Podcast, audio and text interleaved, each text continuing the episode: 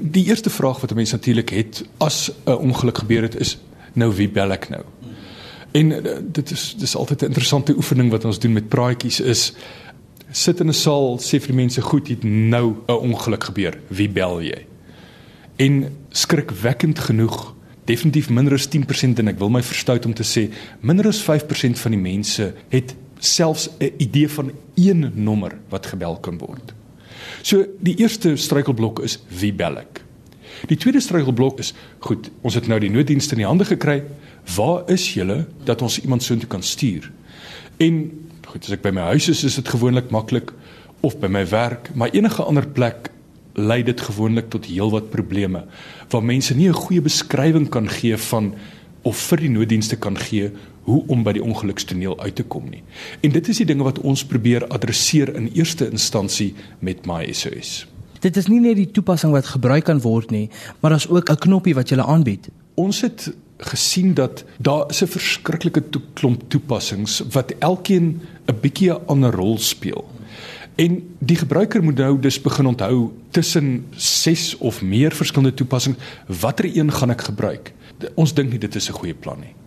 Ek moet een toepassing hê waar ek enige tipe noodsituasie in kan hanteer of iemand deur 'n slang gepik is. Ek moet al daai inligting op een plek hê en afhangende van waar ek is, sal die toepassing gaan bepaal watter diensverskaffer bo aan die lysie vir jou gesit word.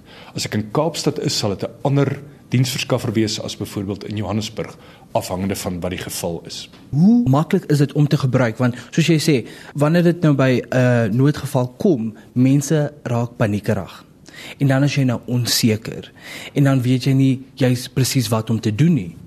Martin jy's jy's 100% reg. Een van ons uitgangspunte was om die toepassing so eenvoudig as moontlik te maak.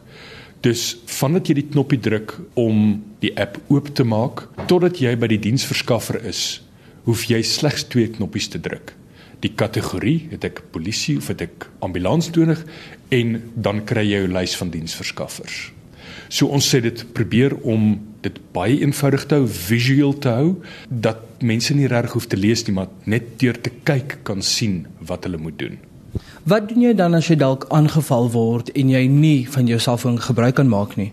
Maar dit is een van die ongelukkige realiteite in Suid-Afrika dat dat geweld by by baie noodgevalle betrokke is. En die ander realiteit is jy kan dan nie jou selfoon uithaal en vir hulle sê uh, uh, wag net so 'n bietjie ek net gou hier so 'n knoppie of twee druk dit gebeur nie. Dus as ek in so 'n situasie kom, oorhandig ek my beursie, ek oorhandig my sleutels, my selfoon, ek spartel nie teen nie, gee hulle wat hulle wil hê en sodra hulle begin wegloop, dan kan ek die knoppie druk wat uh, baie klein is, so groot soos 'n R5 stuk. Ek het tot 50 meter afstand waarop daai knoppie werk en dit kommunikeer dan deur Bluetooth met my telefoon en aktiveer die noodgeval en verwittig die nodige mense dat ek 'n probleemsituasie het.